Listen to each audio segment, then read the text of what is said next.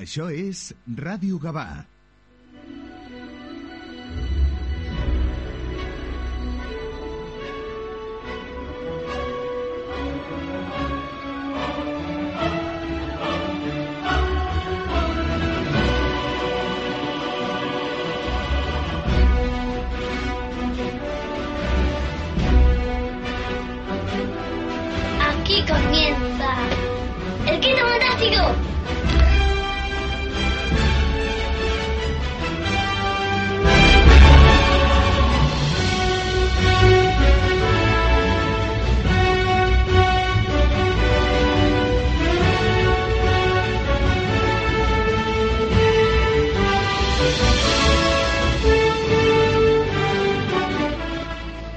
de la mañana y 40 minutos. Muy buenos días y bienvenidos al Quinto Fantástico, episodio 3 de la cuarta temporada. Desde este momento y hasta las 10 de la mañana, toda la información del mundo del cómic y lo que lo envuelve. Bienvenido a tu programa de cómics. ¿Quieres leer un cómic por la radio? Este es vuestro programa. Bienvenido a Radio Gabá.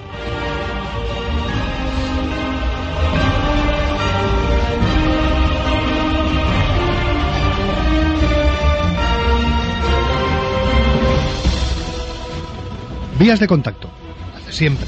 Correo electrónico lobendo65 arroba hotmail.com. En Twitter tenemos el, eh, nuestra dirección de correo, es arroba el quinto fantástico.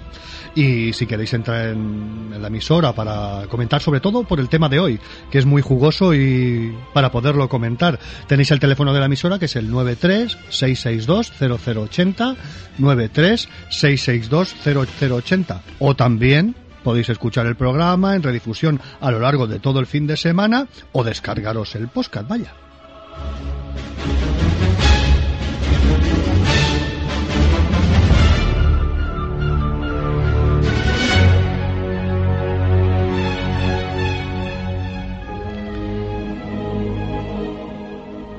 Desde nuestra mesa de trabajo, aquí en la calle Grisfel Pilos, nuestra siempre eficaz Maite, hoy nos la tiene con un tono, Maite nos la tiene hoy un poquito con un tono crepuscular y un poquito oscuro, a pesar de las horas de la mañana, de la mañana que, que, que es, vaya. Y sobre todo, nos la ha preparado mm, vamos, muy, pero que muy bien. Eh, nuestra mesa está llena con crucifijos, Biblias, agua bendita, estacas de roble, a lo más profesor Val Helsing. Y cómo no, tenemos eh, cómics muchos aquí, que es lo que mm, prácticamente el personaje a través de lo que lo hemos conocido los más viejos del lugar. Vaya, tenemos, fíjate, tenemos el Fan Hunter Drácula, tenemos mu- tenemos dos o tres eh, números de Creepy con unas historias espectaculares de, de Drácula del gran, del gran que nos dejó en el 2010, del gran Fernando Fernández sobre Drácula. Así que, Maite, muy buenos días y vamos con la primera sintonía.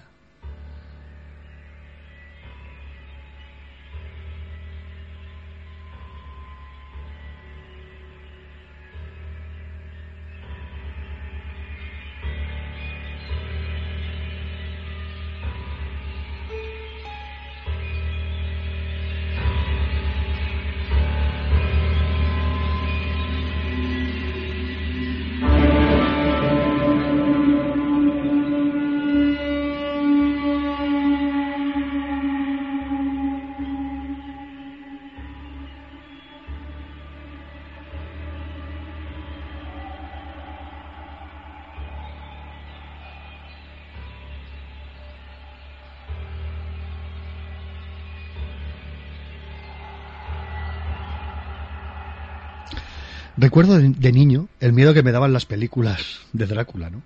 Sobre todo a los más nostálgicos, en el cine Novedades, en el Cursal, en el Maragall.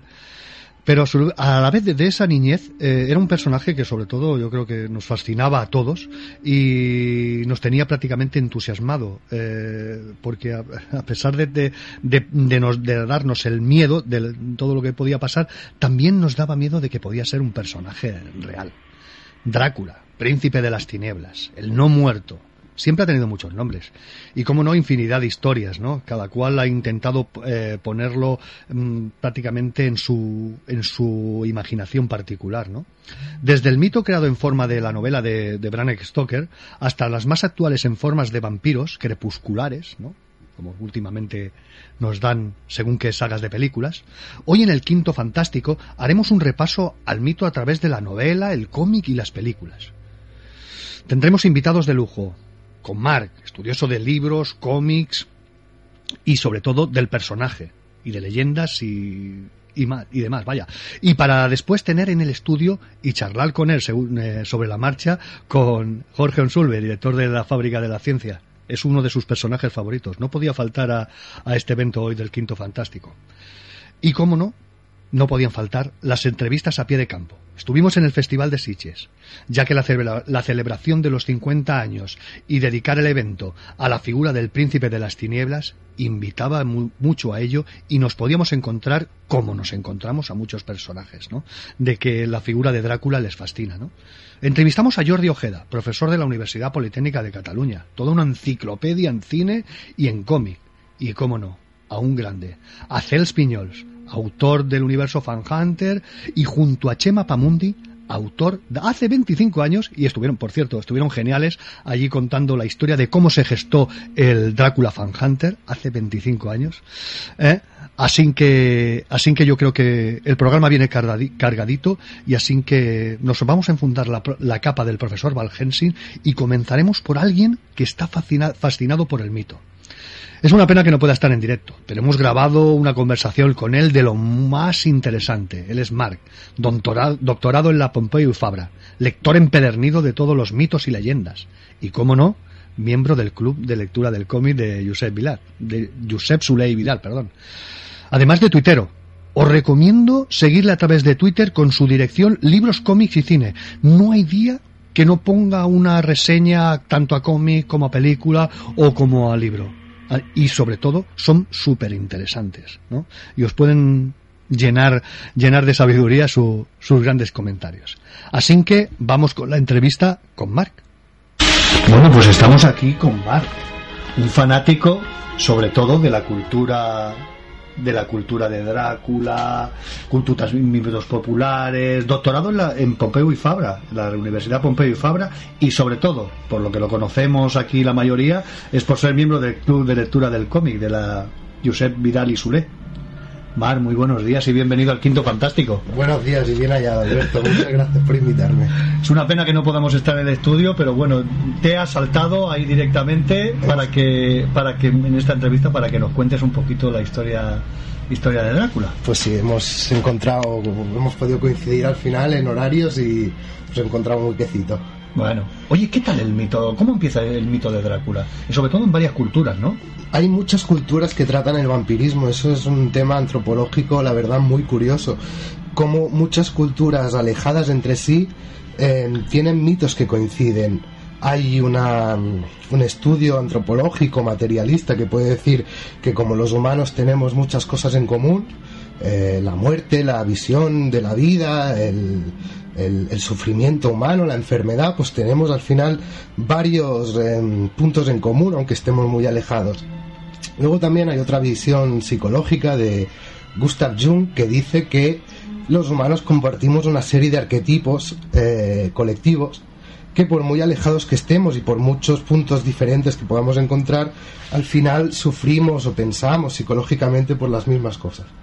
Entonces, el mito del vampirismo, yo he visto que, informándome un poco, podemos encontrarlo en Babilonia, en Persia, en Grecia y en Roma, que sería la cultura occidental, la que formamos parte, pero también en China, en África, en, regiones muy lejanas entre sí. Pero cuando digo también el vampirismo, también el mito del zombie y varios mitos que ahora están muy de moda, pues no solo son occidentales o europeos, sino que están en muchos puntos del planeta. Los no muertos, siempre quieras que no, han sido una cultura no, más allá de lo que hay más allá de la muerte, ¿no? Sí, y pienso también que ahora tenemos mucha mucho más conocimiento médico, pero antes eh, había veces que se enterraban a personas que realmente no habían muerto y, eh, la imagen de Carrie, por ejemplo, la O sea, película, sí. que ¿no? saca la mano ahí, eso es, eh, se le puede dar una interpretación, digamos, eh, poco mm, supernatural, o, pero también se puede dar una interpretación natural, materialista, es decir, de no pensar que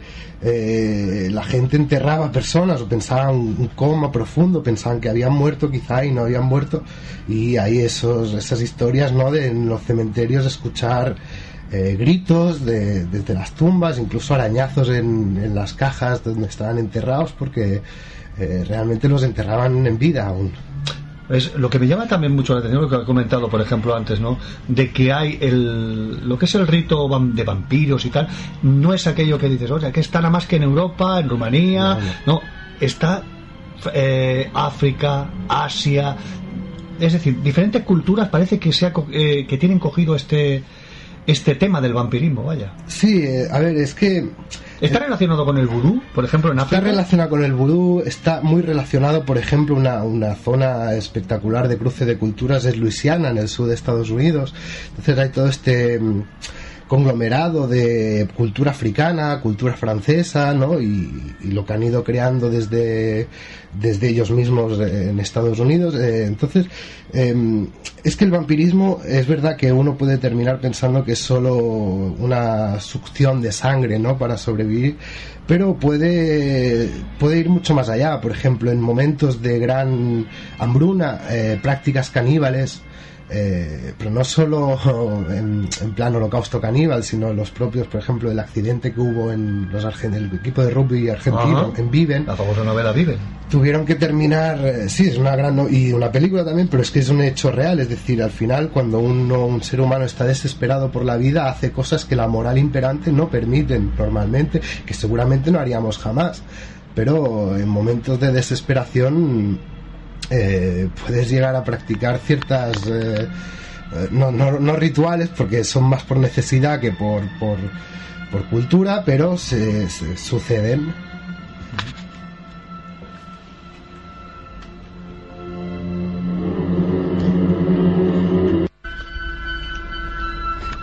Bueno, Mar, entramos con la novela de Bram Stoker.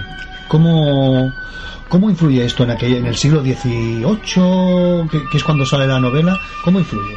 Eh, si te parece bien, antes me gustaría hablar del personaje histórico Perfecto. de Vlad el Empalador y ya pasamos directamente luego al análisis de la novela de Stoker. Bien, eh, aquí primero me gustaría hablar de que la cultura europea tiene unos límites muy difusos. Es decir, nosotros consideramos que Europa llega hasta las estepas rusas, ¿no?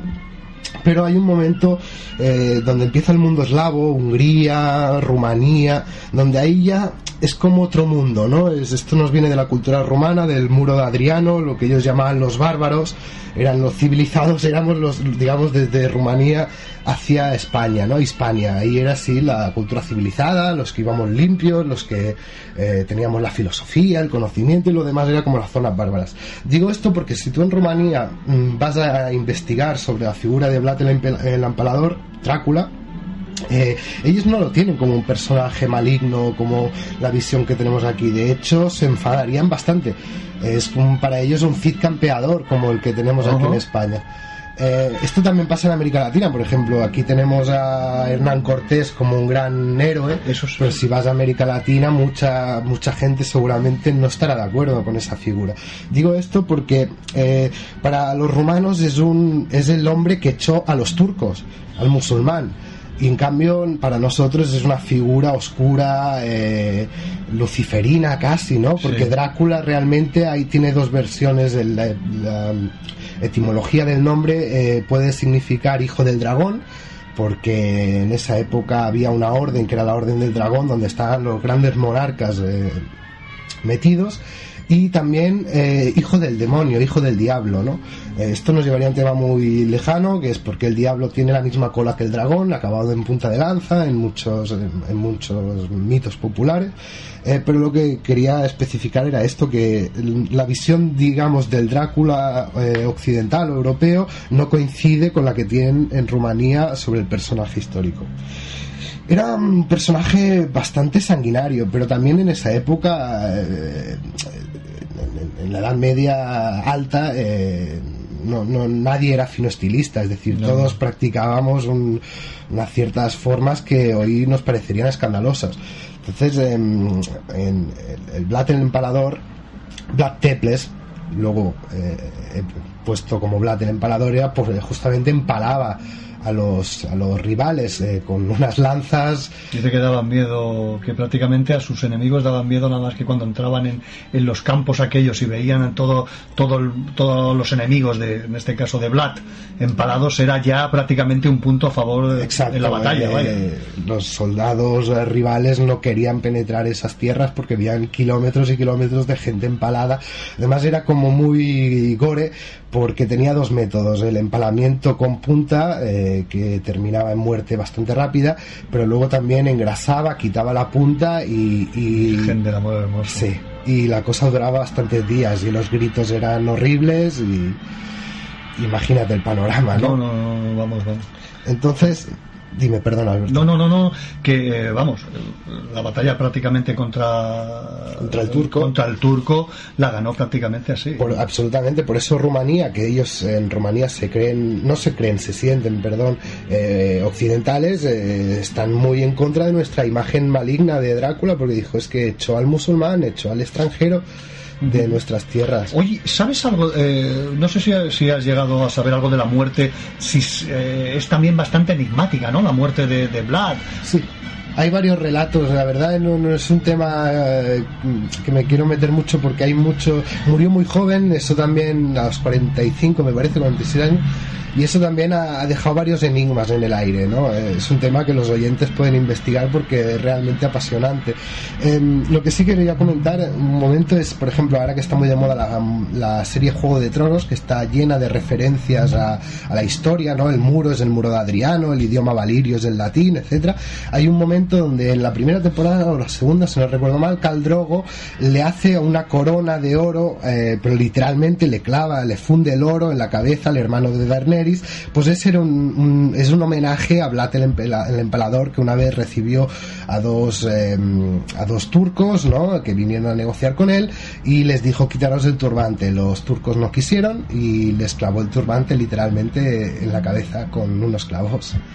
Déspota hasta... Sí, sí, eh, no, no, era un, no era un tipo con el que discutirse mucho, ¿no? Eh, eh, más bien llevarse bien era... Entonces, si quieres, ya podemos ir penetrando en la novela, si te parece bien. Sí, cómo no. Iremos hablando ahora de la novela.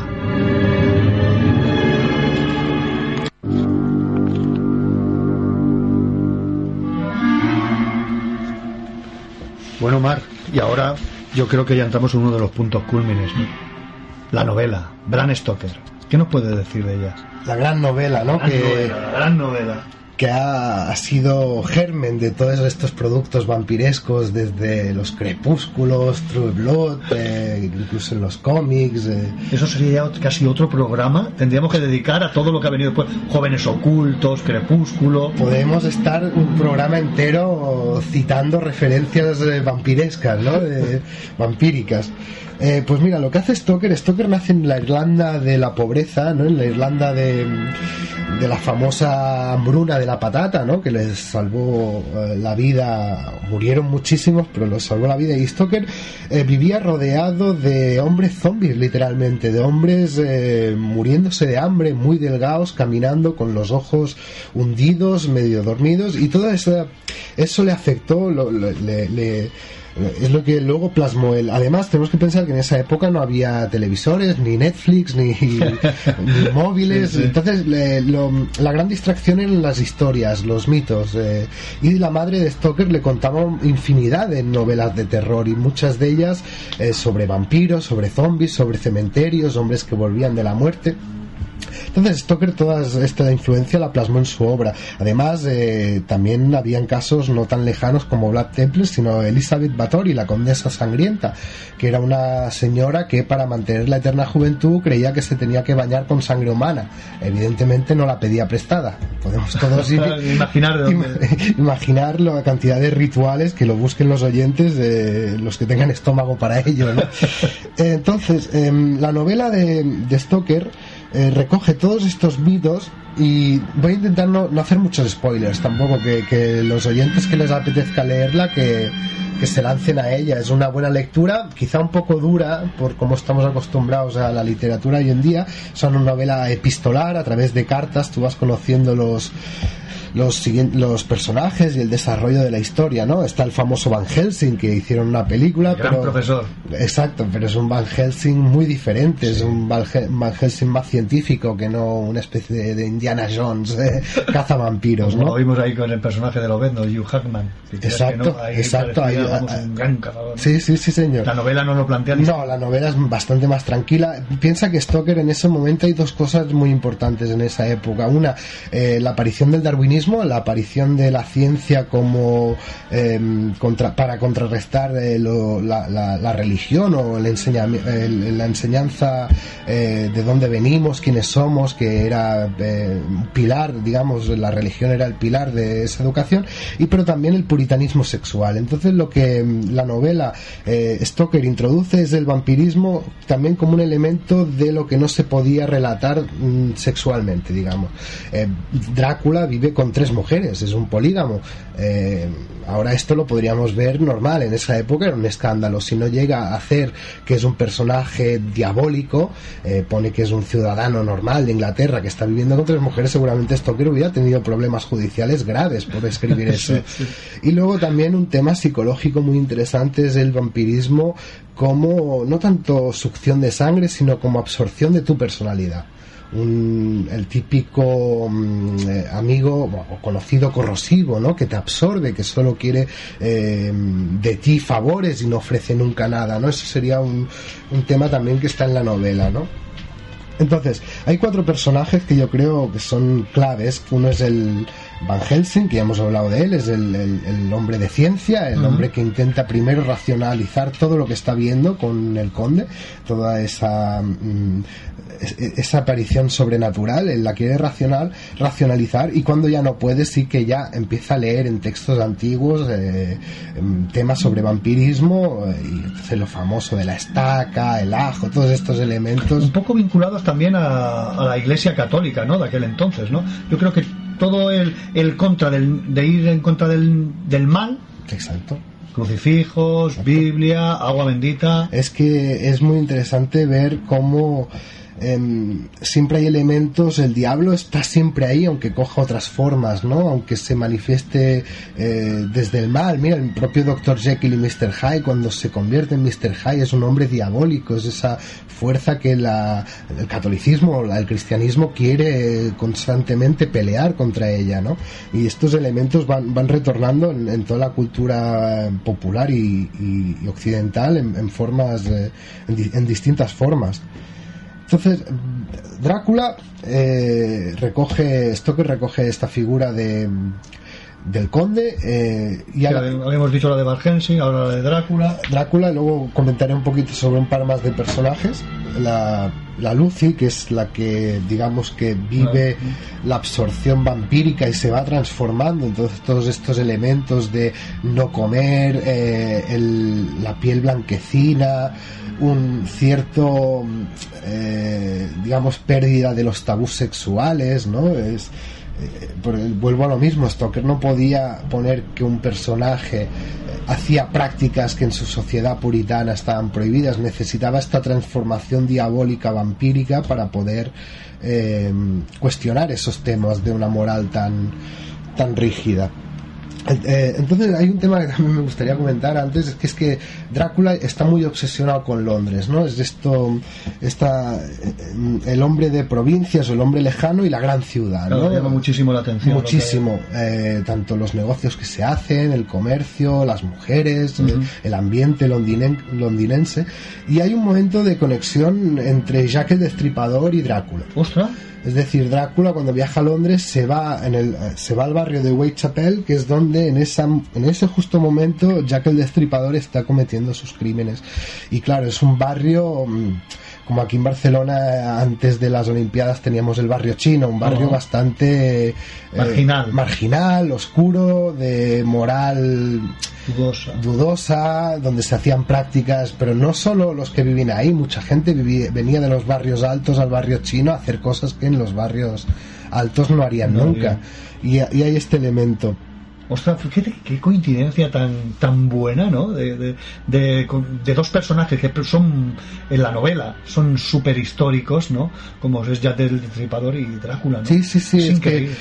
Es quizá este momento de ruptura entre el mundo más oscuro, antiguo, de prácticas y, y de, de una moral eh, religiosa a tope con el, con el nuevo mundo científico, la introducción. Piensa que, por ejemplo, Drácula se transforma varias veces en hombre lobo, ¿no? Y también em, tiene mucha relación con los murciélagos. Esto estaría bien también ver el tema de Batman y tal pa- para otro programa. Otro programa, eh, cómics, Eh, cómics con Drácula, impresionante. Pero cuando se transforma en hombre lobo, lo que está queriendo mostrar Stoker ahí es el darwinismo, es decir, eh, la doctrina de Darwin no es que chocara en esa época, es que hoy en Estados Unidos sabemos que hay estados que prohíben el darwinismo como enseñanza. O sea, imagínate en esa época, eh, fue un escándalo absoluto y lo que Stoker quería demostrar con esto era, porque Stoker era un hombre racional, un hombre de ciencia, que- y lo que él quería demostrar, pero muy interesado por los mitos también a la vez, ¿eh? Ujú. Eh, y lo que él quería demostrar con esto era esta conexión entre el animal y el humano. No esta desconexión que nos ha venido o, que la, religión intenta contar, ¿no? Que somos criaturas divinas y que el animal es una cosa aparte al humano. No, no. Entonces, la conexión Drácula-hombre lobo es esto que em, a través de la genética hay una conexión animal entre el hombre y, y- y el resto de la fauna animal, digamos. Mar, es increíble. Mm, Yo creo, yo te emplazo para otro próximo programa porque, vamos, es que nos, nos, hago- nos, nos quedamos aquí los que estamos embelesados de, de, de la sapiencia y sobre todo, sobre todo del tema del tema Drácula, que es, es inmenso, ¿no? Y todavía no hemos estado ni en cómics ni en películas. No. Yo te emplazo para otro programa, ¿eh, Mar? Yo te lo agradezco, ha sido un placer por fin poder visitar el Quinto Fantástico, un programa que escucho y recomiendo a todo el mundo cuando puedo que lo, que lo escuche y ha sido un placer enorme. Pues oye, Mar, muchas gracias y espero, espero tenerte en el estudio y, y hablamos, ¿eh? Muchísimas Muchas gracias a ti, Alberto. gracias, Mar.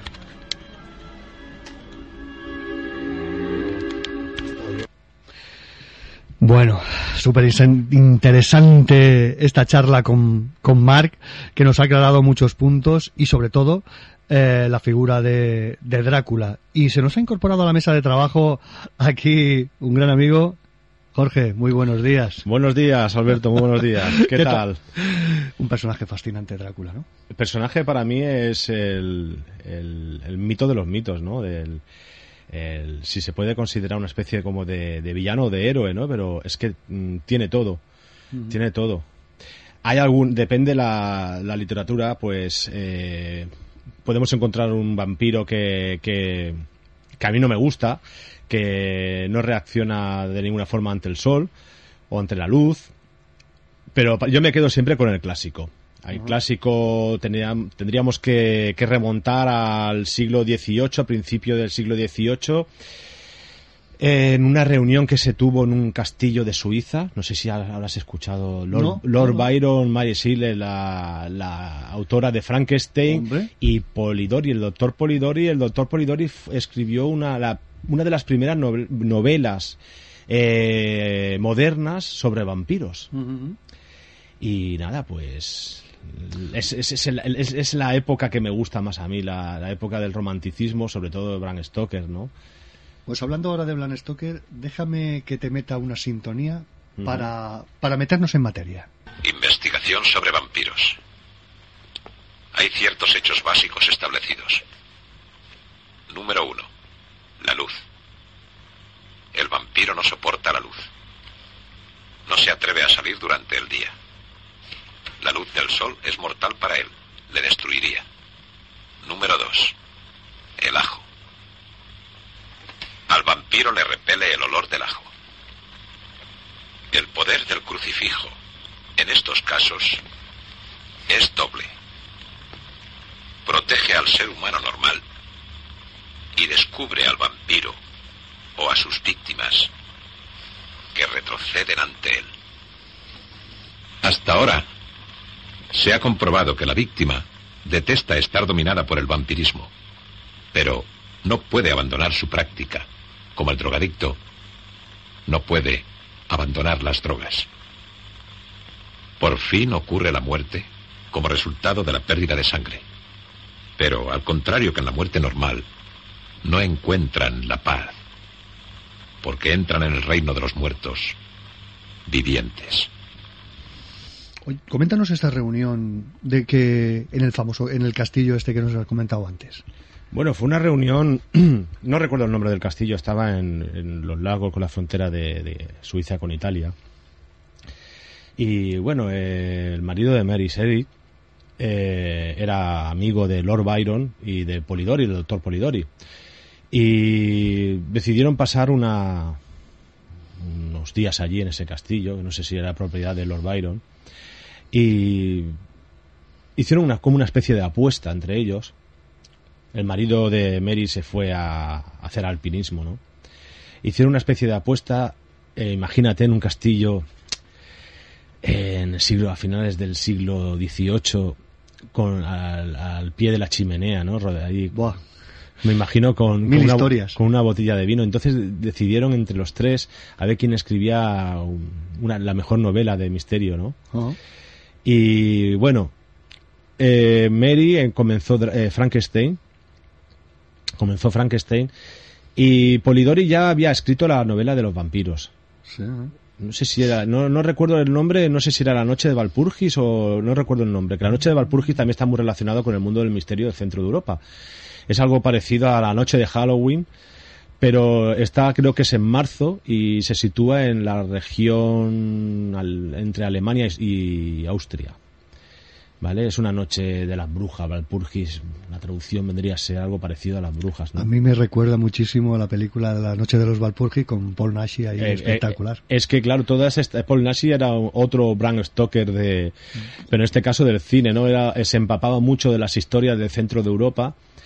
eh, que son muy ricas en el folclore. Por ejemplo, el tema de los ajos, ¿no? Se, se han estado. Este, la- el, el corte que has, que has, eh, puesto antes se habla de los ajos, ¿no? Pues todo esto son leyendas de- del centro de Europa, sobre todo en la región de Rumanía, de Moldavia en el que sí que te puedes encontrar en algunas aldeas todavía, te puedes encontrar en las puertas pues gente que cuelga ajos.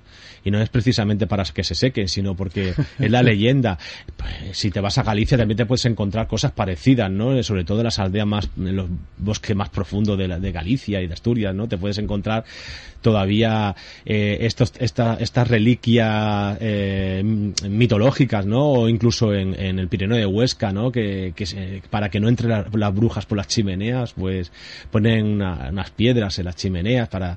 Son leyendas que, y mitos que en la antigüedad se estaba bastante extendido. Hoy en día, por suerte por desgracia, des- están desapareciendo.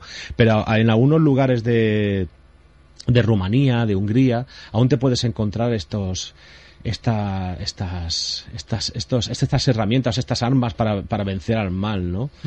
Es curioso porque... Siempre ligadas a, lo comentábamos antes, lo comentábamos antes con Mar, siempre ligadas un poquito a la iglesia, ¿no? Claro, en aquella época la- la- el poder de la iglesia era muy fuerte, ¿no? Sí, de hecho, fíjate, eh, el personaje, para mí, el personaje principal en el que Bram Stoker se nutrió para escribir la novela de Drácula fue el príncipe Vlad, que, que su- creo que habéis hablado ya Sí. de él. Eh, el príncipe Vlad era ortodoxo, era un cristiano ortodoxo, pero bueno, eh, tampoco era un gran fiel de, de la iglesia ortodoxa hasta que se, se hizo católico. Entonces sí que luchó contra los otomanos y, y ahí sí que se hizo un. Bueno, luego la- en la novela de Drácula es todo lo contrario, ¿no? Re- re- rechaza la religión, al, al catolicismo, al cristianismo. Y en la realidad no fue esa. De hecho, se supone, se supone que Vlad Tepe se enterró en, en un monasterio cristiano. No sé si ortodoxo, creo que es ortodoxo, pero en un monasterio cristiano. Sí, de eso hay, bueno, lo comentábamos también, que había muchas leyendas, pero no, no, no sabíamos exactamente, porque se ve que hay varias variaciones de su muerte, ¿no? Unos Mm. dicen que murió en la cárcel, que incluso a las ratas que había allí las, em- las empalaba, bueno, Sí. hay mu- yo creo que hay muchas Bueno, leyendas. hay que tener mucho cuidado con estas leyendas. Hay que pensar una cosa. Los antiguos gobernadores de la Edad Media y todo, había muchos tiranos. A lo largo de la historia ha habido también otros, ¿no? Pero en aquella época eran muy sádicos. Muy sádicos porque ellos consideraban que la única forma, una forma de vencer a un enemigo era el factor psicológico. Eh, por ejemplo, Vlad Tepes empaló a 20.000, creo que eran boyardos o no, no recuerdo, o turcos, no Turcos, recuerdo, turcos. turcos. Y cuando llegó el, el sultán Ahmed de, de otomano, que era un sultán otomano, cuando llegó allí salió corriendo, ¿no? Porque cuando vio allí tantos empalados, eh, pues imagínate, y eran bastante sádicos. Entonces, los alemanes se encargaron de hacer una publicidad hacia ese sádico de, de Moldavia, ese príncipe eh, terrorífico, una publicidad, eh, una propaganda en contra de él, eh, argumentando pues que, que comía carne de los enemigos, bebía sangre, de ahí la leyenda del vampiro, y parece ser que de, de esto nada, ¿no? Eso sí, eh, Vlad Tepe no era las hermanitas de la caridad, precisamente. Se la- Pero era una, un- eh, era una cosa normal en aquella época. Habían otros, otros gobernadores que, que utilizaban el terror para, para poder eh, someter al pueblo, incluso al enemigo, ¿no? De lo que he dicho antes, el factor psicológico.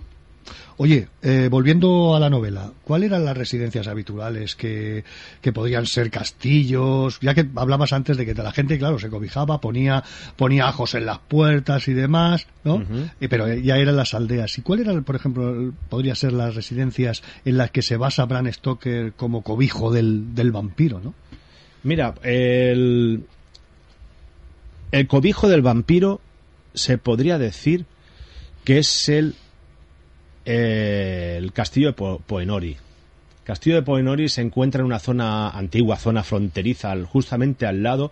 Ojo, la mujer de Vlad Tepes, la y eso es un hecho real, la mujer de Vlad Tepes se tiró al río desde las almenas del castillo. Y eso Bram Stoker lo recoge en la, en la novela. Elisabetta se tira al río. Pues eh, realmente la mujer de Vlad Tepes eh, se tiró al río. Eh, es el, el castillo Poenori, es donde se supone que, según las leyendas, es donde vivía. Ese castillo fue construido por los boyardos que se salvaron de la- del empalamiento.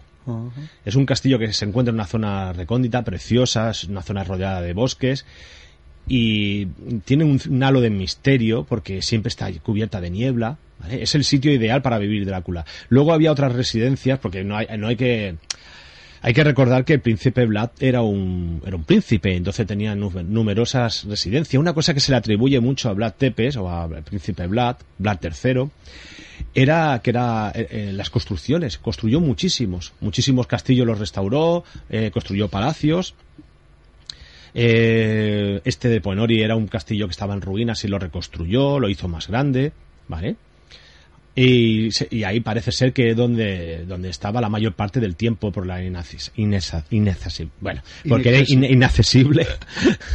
y y por- también porque era una zona fronteriza y ahí tenía toda la guarnición más fiel a él, la tenía junto en esa zona que era eh, frontera casi con el Imperio Otomano. Ujú. Oye Jorge, si te parece, vamos a vamos a hacer un repaso un poco de las de lo que serían las películas. Yo sé que hay un par de películas que, que te han in- que te han marcado un poquito, que son la de Coppola Ujú, hombre, tanto. y la de y la de y, me dijiste que era la, de, la de entrevista con un vampiro. entrevista con un vampiro, ¿no? Que quizá ahí en, en esta de entrevista con un vampiro está mm, es ya un vampiro más moderno, ¿no? Un poco Sí, pero, pero siguiendo la tradición del- de los vampiros románticos. Eh, se le atribuye, no recuerdo el nombre porque tengo últimamente tengo en la cabeza ya que se me está. Eh, Se le atribuye a una escritora en, en los años 70 que escribió tres capítulos de vampiros. Entre estos tres capítulos está la entrevista con un vampiro. Y eh, sí que se podría decir que se parecen bastante a los, a los vampiros románticos, como por ejemplo el, el Nosferatu o, o el de Polidori, ¿no?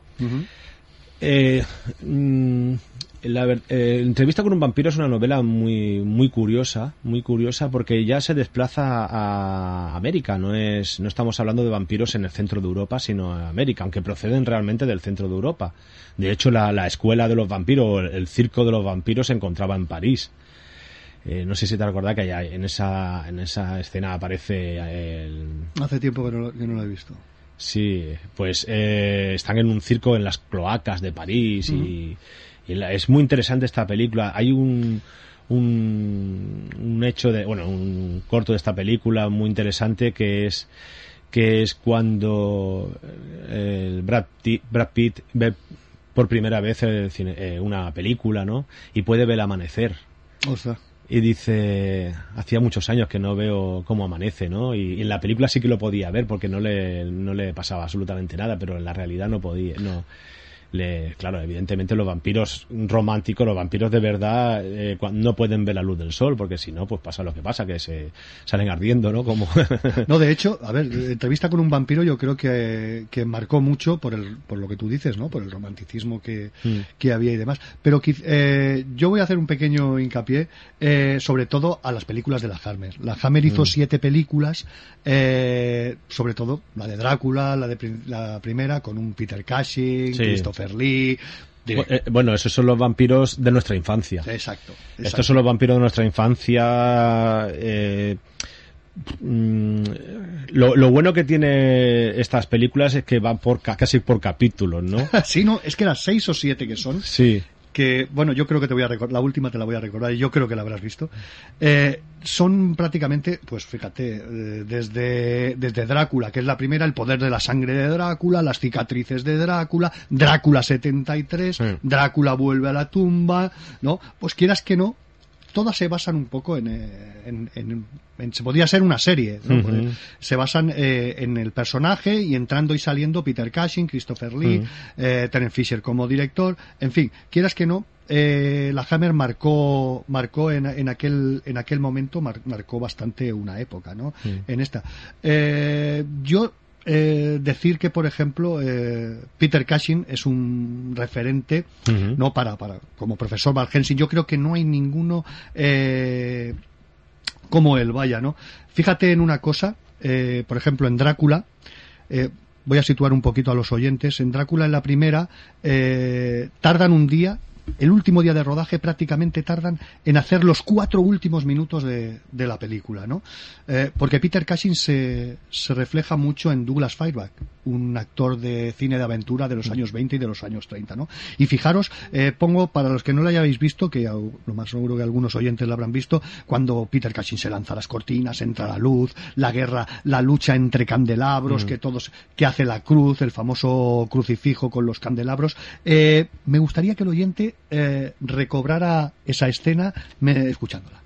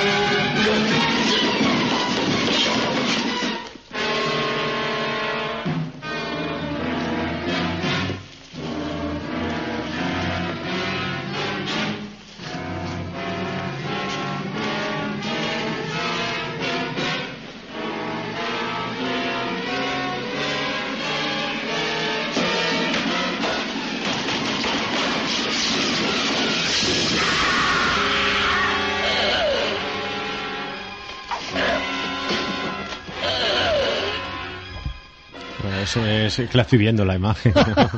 Sí, O sea, es, es impresionante. Sí. Eh, eh, mm, yo no, no lo sabía esa faceta de, de Peter Cushing, Mm. de que, eh, sobre todo, a ver, era un aventurero y le gustaba innovar Mm. eh, para hacer unas escenas espectaculares, ¿no? Porque, a ver, lo vemos un poco desde la distancia y sobre todo desde que ahora se hacen muchos efectos especiales y demás, pero el correr hacia la, hacia las, a- hacia las cortinas, quitarlas, ¿no? Los crucifijos, hacerlos en cruz, la Mm. lucha con, con, con Drácula, eso, eso es impresionante. Eh, eh, Es que hay que mirar que Peter Cushing, eh, excepto en Star Wars, es el salvador de la humanidad, porque en la momia, por ejemplo, también es el que el que vence a la momia, ¿no? Siempre le atribuían el papel de como de salvador de la humanidad, que hay que destruir al mal, al monstruo para para que no se, se extienda la plaga, ¿no?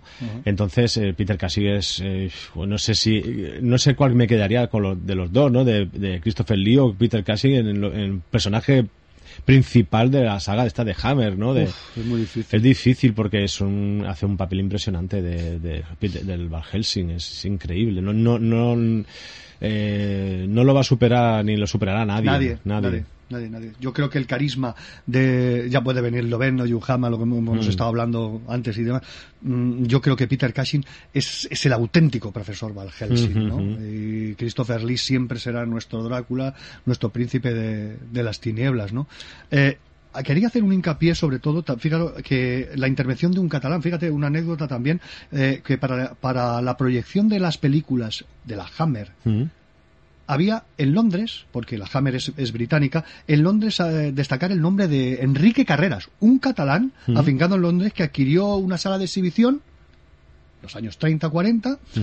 en la que realizó prácticamente todas las proyecciones de la Hammer, ¿no? Era un visionario este hombre, este Enrique, este Enrique Carreras, ya que había adquirido, fíjate, había adquirido los derechos de, de todos los monstruos de, de la Universal, Mm. la momia, Frankenstein, El, el- el monstruo del lago. eh, también, también, Increíble. también, también, también. Son grandes eh, películas. Fíjate, ahora que ah, ahora me ha venido a la mente, fíjate que hay otra gran película de la Hammer con ellos dos de protagonista, El perro de los Baskerville. Ahora, que es, es realmente es realmente impresionante. Y ahora eh, te voy a trasladar un poco. mm, Voy a, no te he querido decir nada de esta película porque no sé si la habrías visto. Eh, te voy a retro- yo creo que igual te retro en el tiempo a- al cine cultural. A ver si me reconoces cuál es. Señor, yo me llamo K. Soy el sumo sacerdote de los siete vampiros de oro de Pingwei, en la provincia de Chewan, en China. Cuando vagaban los vampiros, mi templo era el centro del poder en la región. El pueblo aterrado me rendía homenaje. Pero ahora, señor, todo ha cambiado. Ahora los vampiros duermen y el pueblo ya no me obedece. Mi poder ya no existe. He viajado muchas lunas buscando el castillo de Drácula. He venido a pediros que me ayudéis a resucitar a los siete vampiros de oro. He de conseguir que la leyenda reviva. Insensato. Drácula no otorga favores, ni jamás escucha las súplicas de sus siervos. ¿No sabes que es Drácula quien da las órdenes aun estando encerrado en este horrible lugar?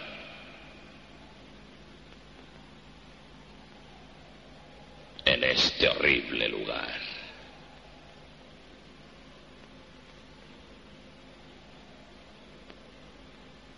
Sí, aún puedes servirme, K.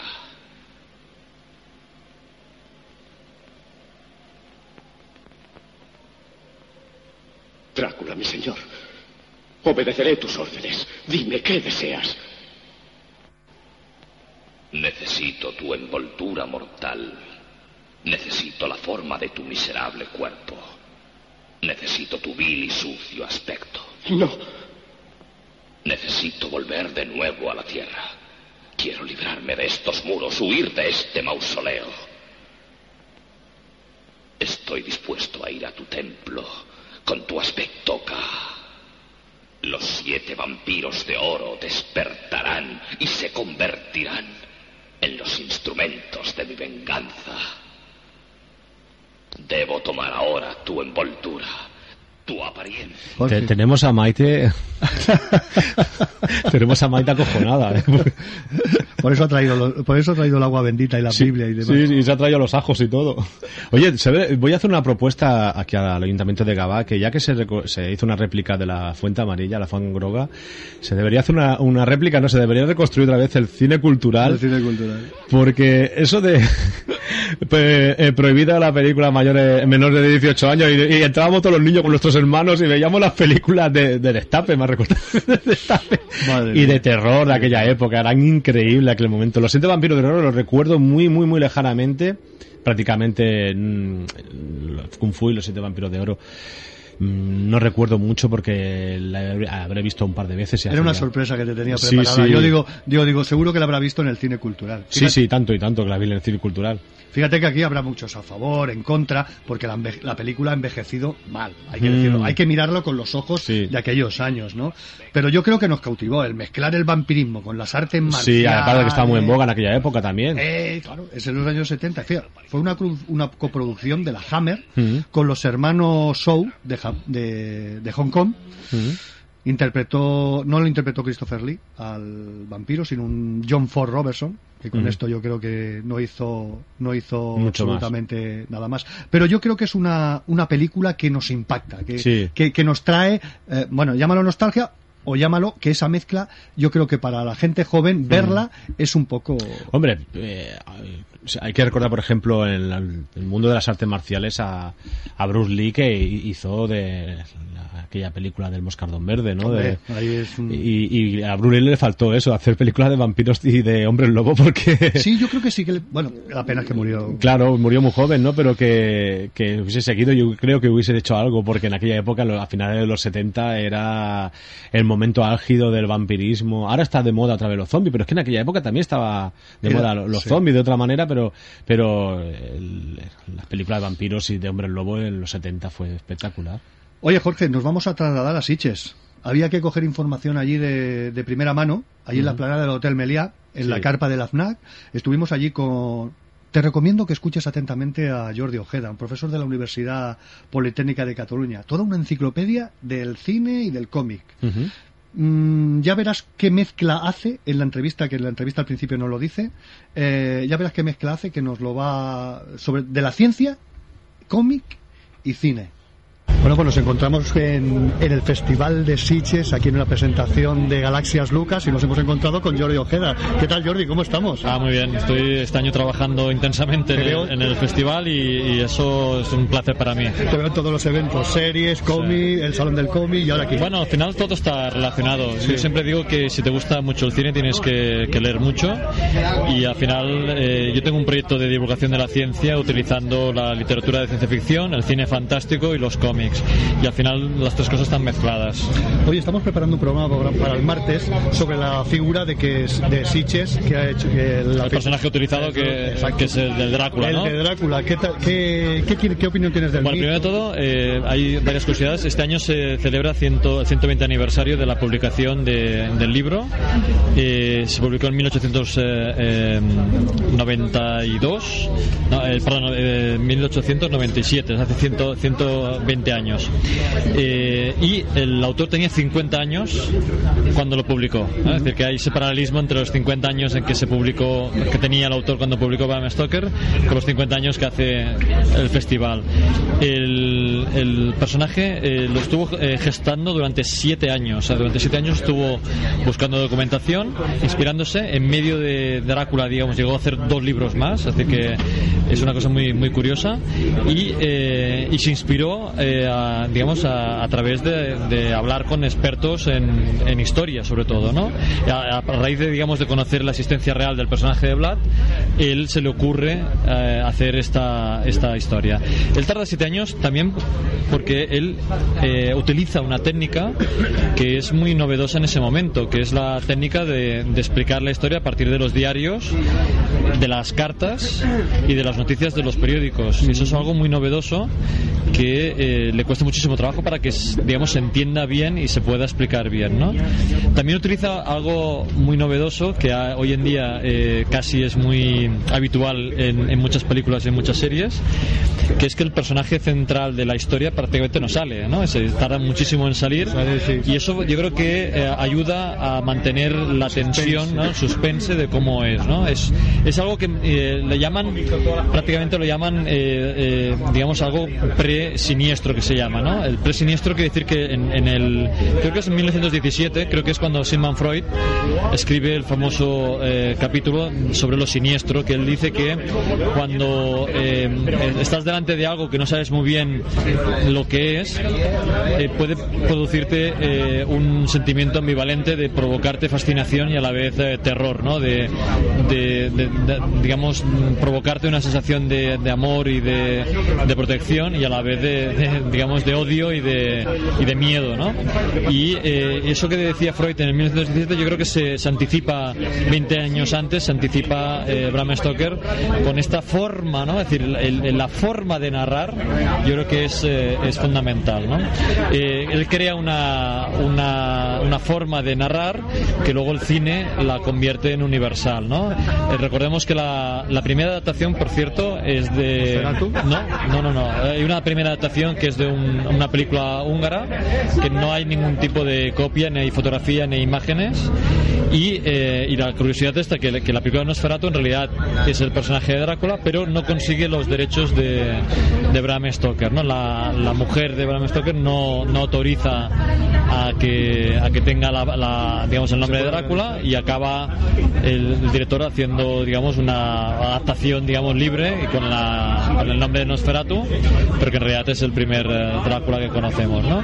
Y a partir de ahí, eh, digamos, toda esa fascinación que tenemos por el fantástico en cuanto a, a lo que supone la inmortalidad, lo que supone también la, una digamos, sensación también erótica ¿no? de, de, de, bueno, de, la sangre y de, y de morder y de poseer, yo creo que es una fascinación que, digamos, que ha calado digamos, en el siglo XX a través de la, de la imagen. Es, es una iconografía digamos, muy característica del personaje y que se ha llevado digamos, a, al cine en, en actuaciones muy importantes. lo que te iba a decir ahora, por ejemplo, después ya viene Bela Lugosi y demás, pero más o menos que yo creo que tenemos la misma edad.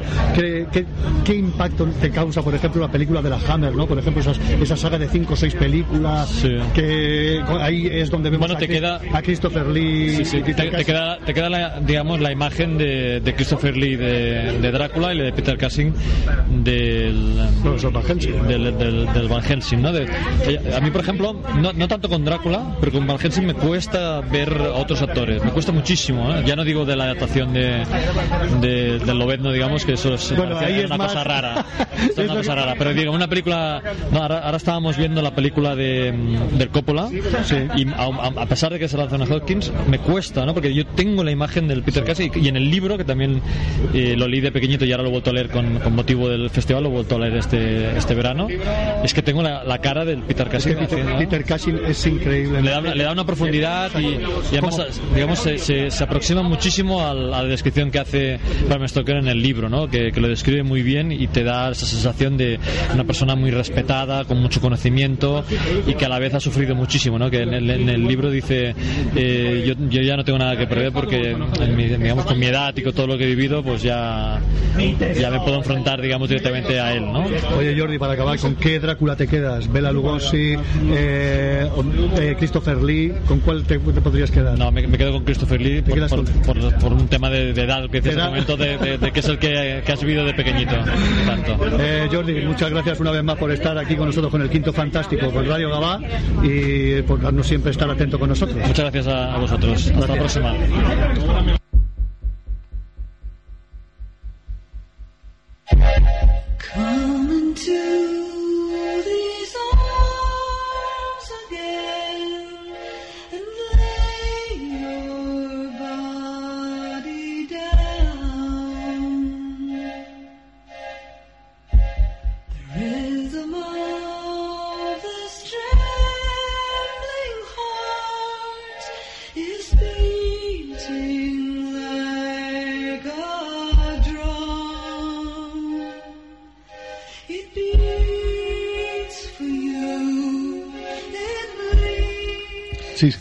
De todas las, de todas las películas de, relacionadas con Drácula, de todas, ¿tú sabes cuál es la escena que más me, me, me da más miedo de todas. Dime, dime.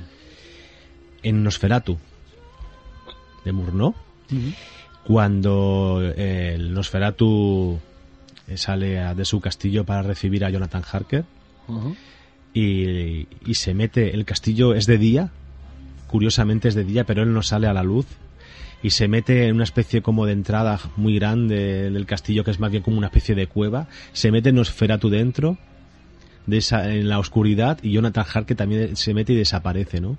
Para mí esa, esa, eso, eh, bueno, para- es que Nosferatu para mí es la mm, no es que sea la mejor, pero las que más profundiza en la novela. Yo no sé si estarás de acuerdo, pero yo creo que esta película se la pones a, una, a un chaval de 14, 15, 16 años y le da más miedo que Crepúsculo, Sí, sí. eh, Blade, los Bueno, vampiros. eh, sin decir, la, la escena de la mano, con las- la, la sombra de la mano que se va acercando a la chica y tal, a la mina, eh, es espectacular. Eso no lo ha superado nada. Murnau hace un juego de sombras y de, de- de- vamos, Y, y- y merece, de merece un personaje, el Shrek, el que hace de... Sí, sí, sí. Porque este tío era muy raro, ¿eh? Sí, sí. Era muy raro, era una persona que, que nadie sabía de su vida privada, eh, era un tío que iba a, la- a grabar y, y cuando acababa la grabación se iba y no decía ni adiós, un tío rarísimo. Oye, vamos a escuchar la segunda entrevista. También yo creo que te va a fascinar. Cels Piñol, autor del Fan Hunter Drácula. Este es el cómic oficial de, de Sitges 2017. Tiene nuestra edad. Eh, ahí te lo dejo. Bueno, pues nos encontramos en la Sí. explanada del Hotel Meliá, en la carpa del Aznaf, y nos Sí. encontramos con un grande. Cel Piñol, buenas noches. ¿Qué tal? ¿Qué tal? Buenas noches. ¿Cómo estamos disfrutando, como siempre? Muy bien, disfrutando. Además, en el Festival de Cine siempre se disfruta. Vengo desde que soy pequeñito y, francamente, que vengo aquí me lo paso bomba. Oye, y bueno, y más vorágine todavía, sabiendo que tu cómic resulta el cómic oficial. Y encima, con los 50 años, la figura de Drácula, yo creo que todo es redondo, vaya. Ha sido una alucinada increíble. Lo acabamos de explicar ahora que la verdad es que recibimos la llamada de, de- de- de- confirmación. Estaban muy atareados la gente de organización del festival y eh, no esperábamos que fuera una respuesta positiva. Digo, bueno, vamos a intentarlo a ver si. Porque me hacía mucha ilusión, francamente. El libro iba a salir igual, lo iba a sacar eh, Gigamesh, íbamos a tener mucha repercusión, pero esto, poner el sello y, y- y la, y la dedicatoria y, y decir abiertamente en el texto dentro de agradecimientos lo que ha significado para mí el Festival de Cine de Sitges ha sido una- un honor tremendo. Y para, y para muchos, yo creo que es, bueno, ahora ya quizá con los años ha sido una vorágine, ¿no? La gente, Sí. mucha fama. Yo creo que ha pasado a ser el mejor festival de ciencia ficción del mundo. No sé si será tu opinión. Hubo una bajada, si te das cuenta, hace unos años una bajada en la que quisieron hacerlo un poco más mainstream y menos ciencia ficción y menos terror. Pero precisamente Ángel Sala hace un par de años decía, orgulloso, que la palabra fantástico volvía a figurar dentro del título y que verdaderamente eh, el género fantástico tenía mucho futuro y tiene mucho presente, porque fíjate la cantidad de, de, eh, eh, de- de películas, de, ya sea de superhéroes, ya sea de ciencia Sí, ficción, ya sea terror, ya sea fantasía, que está en cine y en televisión sobre todo. Oye, y una pregunta, yo te voy a preguntar, el ya que has dicho ahora lo del cómic, personaje de Drácula, ¿has leído mucho cómic de La tumba de Drácula, Escalofrío? Todo. O sea, a ver, yo soy muy fan del personaje. Soy muy fan de los vampiros clásicos. Supongo que también es un revulsivo después de, de toda la saga de Crepúsculo, todavía más, ¿no? Pero eh, soy muy, muy fan eh, tanto del, del Drácula de Todd Browning, ¿verdad? De- de- del principal de los monstruos del Universal, como ahora le, le comentaba también a, Jordi Ojeda, que era, eh, que era muy fan del, del, del Drácula de John Badham, que me encanta, además con la música de John Williams, como el, el Drácula de los cómics y de las novelas. También, eh, también he, he leído mucho vampiro, mucho vampiro. Los vampiros para mí eh, me motivan, me gustan, me asustan, pero controlados, no como los zombies que me dan asco y miedo. Entonces, claro, voy alternando un poco lo que es no muertos con muertos vivientes.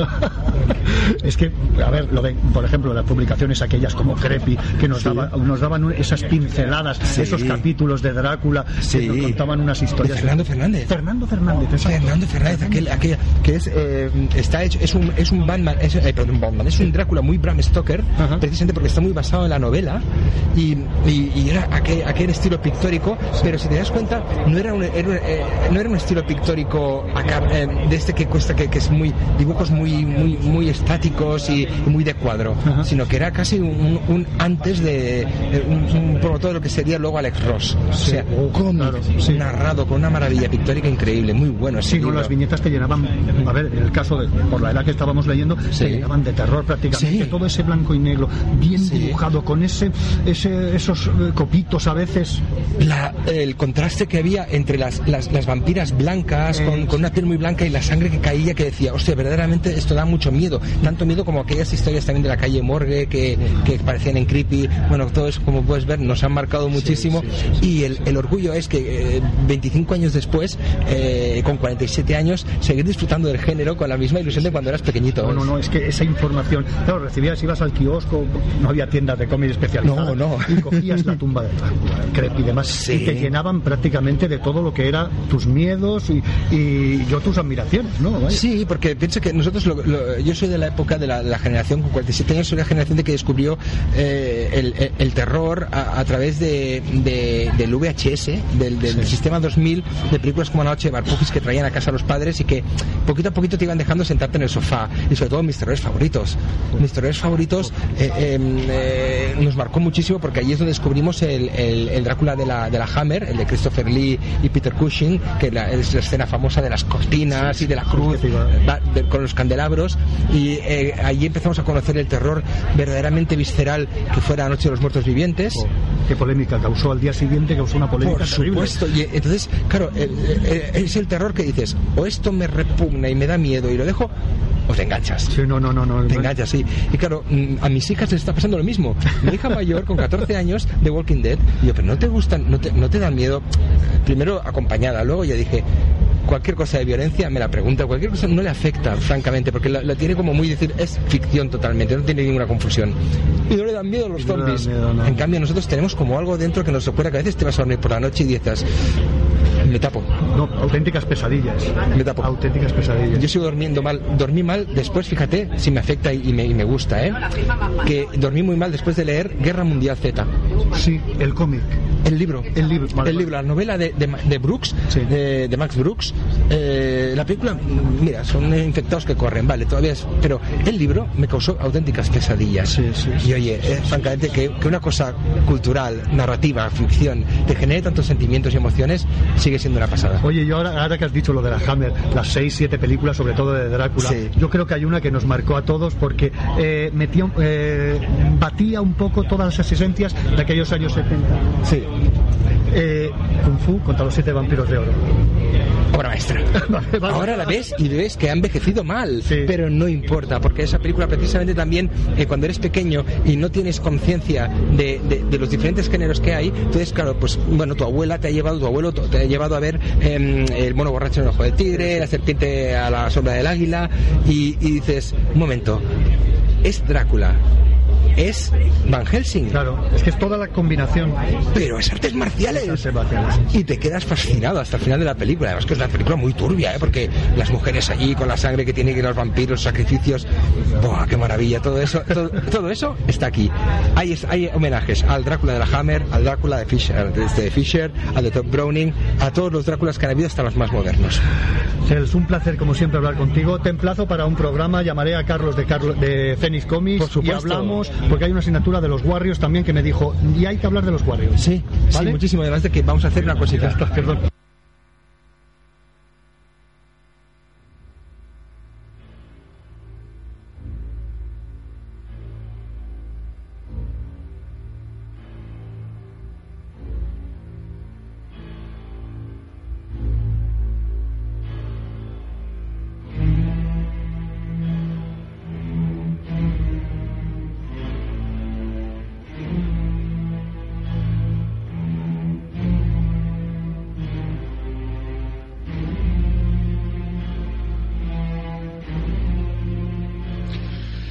Impresionante este el Piñol. Es un- una persona que te la puedes encontrar en cualquier sitio y desborda amabilidad, sapiencia comiquera. Vamos. Ahora Jorge me estaba recordando una imagen con la banda sonora esta que está sonando, ¿verdad, Jorge? Sí, cuando cae la cruz de la cúpula de Santa Sofía, se supone que es Santa Sofía, ¿no? Porque ya el Imperio Otomano ha tomado Estambul y, y acaba con el Imperio Bizantino, ¿no? Es una escena cumbre la película. de- Sí, la de tanto. Bram Stoker, Coppola. Ahí ya te dice de, qué va a pasar, ¿no? Que, que el personaje principal, Vlad Tepes, es el, el estandarte, ¿no? Para luchar contra el mal que se supone que era el Imperio Otomano, que era en aquella época el Islam, ¿no?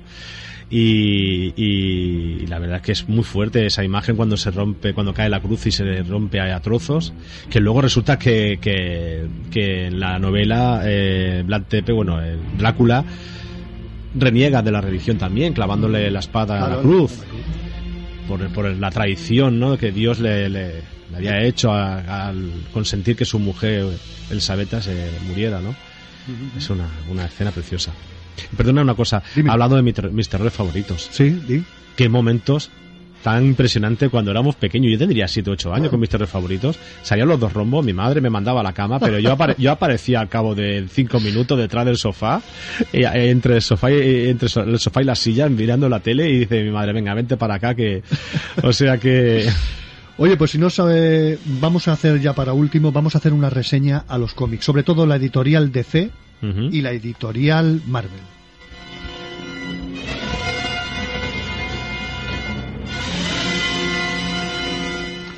Fijaros que la que más provecho sacó le sacaría a Drácula sería Marvel Comics, un- el personaje de Stoker. Como antecedente, antes de convertirse en Timely Comics, era Atlas Comics y publicaría un buen número de cómics en los años 50 con el vampiro como protagonista.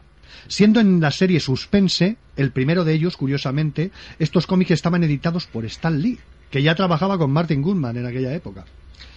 Después vendría la mítica Tomb of Drácula, tumba de Drácula, en los 70.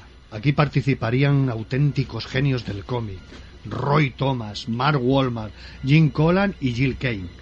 El cómic expandiría el mito de Drácula de Stoker creando una guerra entre vampiros y cazadores de vampiros, liderados por la doctora Kinsey Harker, perdón, que es eh, hijo de Jonathan y Mina Harker. ¿Os suenan? Sí, Son sí. los protagonistas de, de la peli.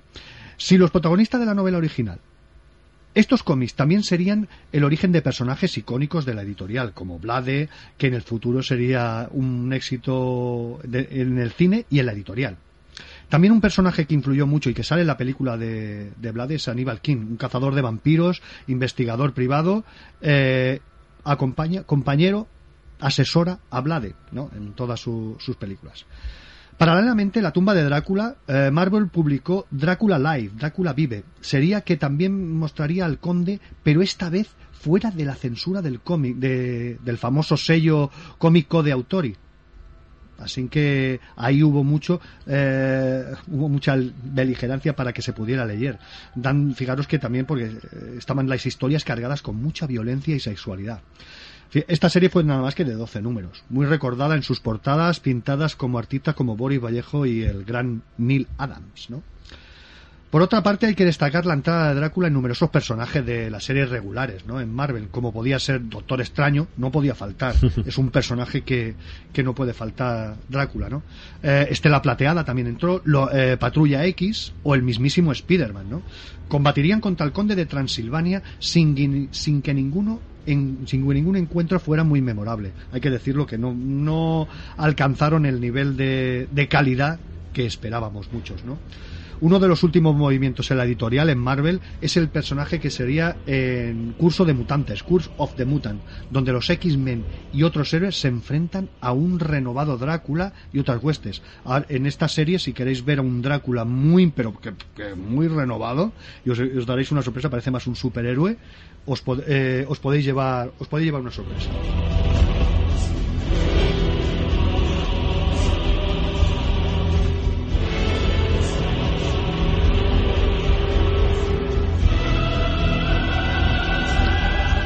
Dentro de esta serie de cómics, destacar la adaptación de la película que hicieron Mike Mi- perdón.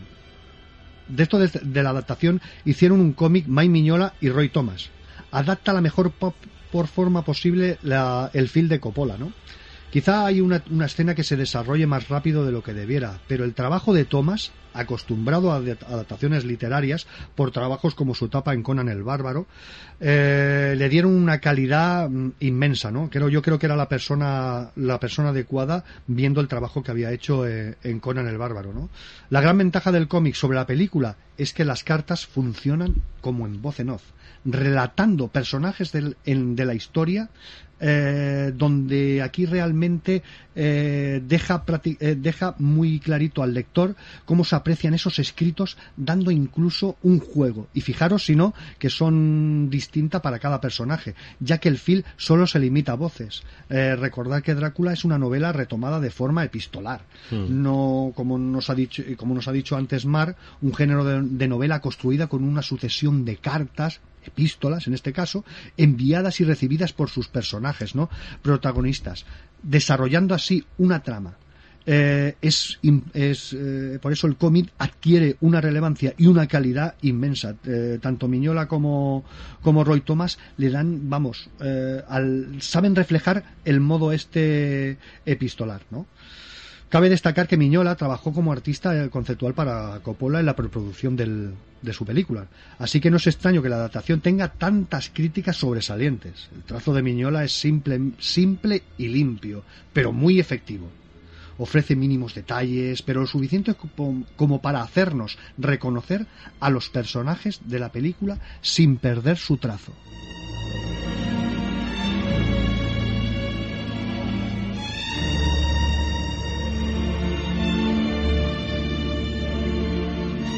Ahora vamos con DC. Drácula no ha sido un personaje muy prolífico en DC, pero quizá fue uno de los más madrugadores, ya que en el número 31 y 32 de Acción Cómic, en el, en el pasado ya año 39, la trama no tiene desperdicio. Drácula es asesinado, lo traen a enterrarlo a Gotham. ¿Quién aparece allí? La figura del pingüino para resucitarlo. Y al final es un final épico en la Batcueva, donde Batman, como no, acaba con él. La figura de Superman tampoco se ha escapado del Príncipe de las Tinieblas. En el 2002, ya más reciente, Jeff Loeb y al, guion y Ian Churchill al dibujo nos trajeron a un Drácula dominando a Superman, ¿no? Al hombre de acero. No está mal, no está mal esta adaptación.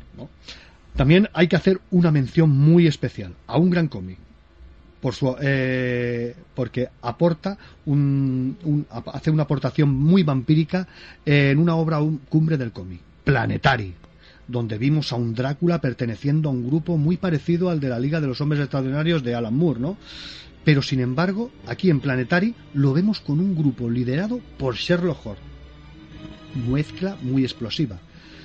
Pero sin duda fue la, la década de los 70 donde el conde tuvo su máximo auge.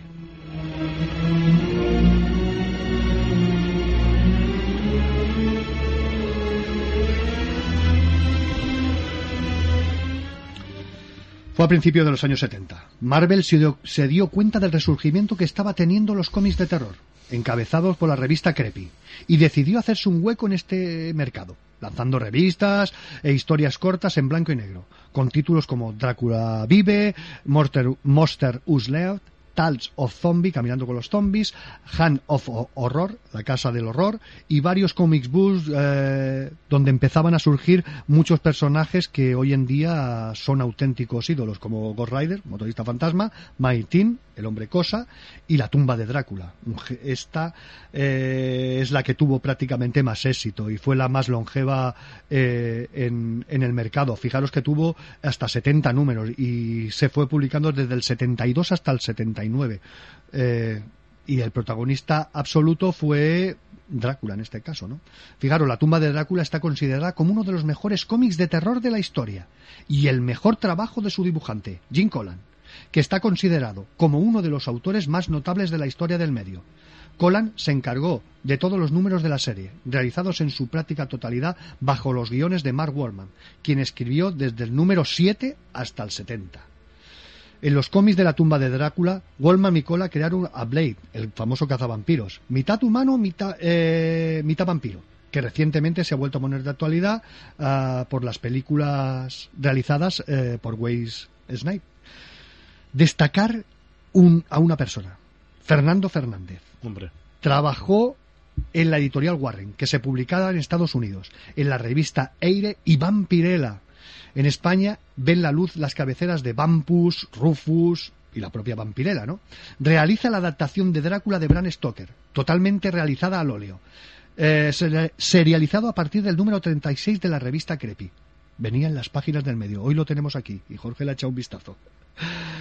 Eh, editada por Tutuen, en junio del 82 también se publica íntegramente en el 84. Solamente os voy a decir una cosa. Si la veis en cualquier mercadillo, Mercado San Antonio o cualquier rastrillo, cogedla, cogedla, valga lo que valga. Es maravillosa.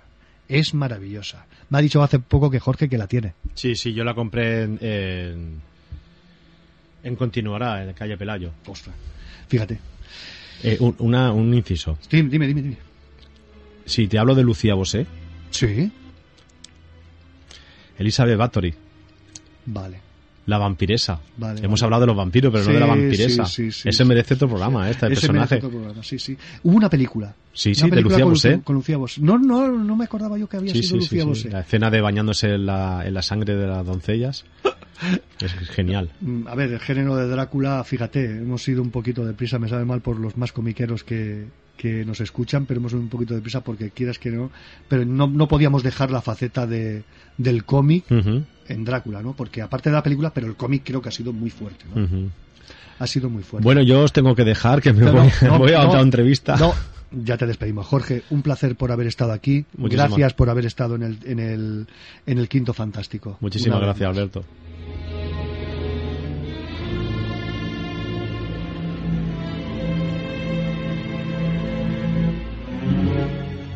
Bueno, impresionante. Hemos tenido invitados de excepción en el estudio, grabaciones, entrevistas a fe de campo. Yo creo que hoy el personaje de Drácula nos ha quedado bastante. Sé que quedan muchas cosas, pero creo que es un, porque es un personaje que creo que será eh, eterno, ¿no? Siempre habrá cosas que hablar. Bueno, nos despedimos. Tenemos ya el tema de Thor a la vuelta de la esquina. Yo creo que tendremos. Y tendremos a gente para hablarnos de la película y del cómic. Vamos a ver cómo ha funcionado eh, el guion de esta película respecto al guion del, del cómic, ¿no? Eh, tenemos la deuda con Cels y con Carlos Playbook para los amos de la noche, sobre todo, y simplemente os emplazo hasta aquí, hasta dentro de tres semanas ser felices, un placer haber estado con todos vosotros y, sobre todo, hacer caso al super ratón. El próximo programa, amiguitos, y no olviden supervitaminarse y mineralizarse.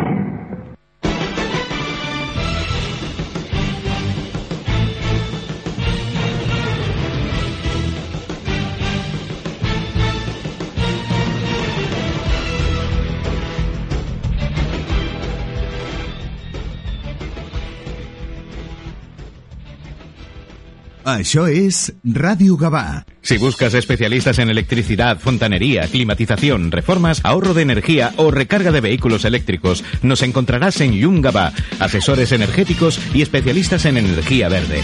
Consúltanos sin compromiso y confía en la experiencia profesional de los que siempre estamos a tu lado. Yungaba, te esperamos en el Passeig de Joan Maragall 25 de Gabá. Teléfono 93662-2707 o visita nuestra web yungaba.com. Yungaba, siempre a tu lado. Això es Radio Gabá. Bueno, ha llegado el momento de sacar a otro invitado de la recámara, un pequeño hombre, un pequeño gran hombre gallego que, al que admiramos un montón y que nos hace tanta ilusión tenerle aquí que, no sé, no voy a decir más. Con todos ustedes, el mismísimo Iván Ferreiro.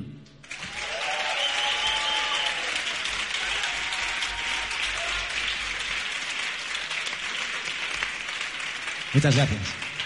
Es un placer estar aquí.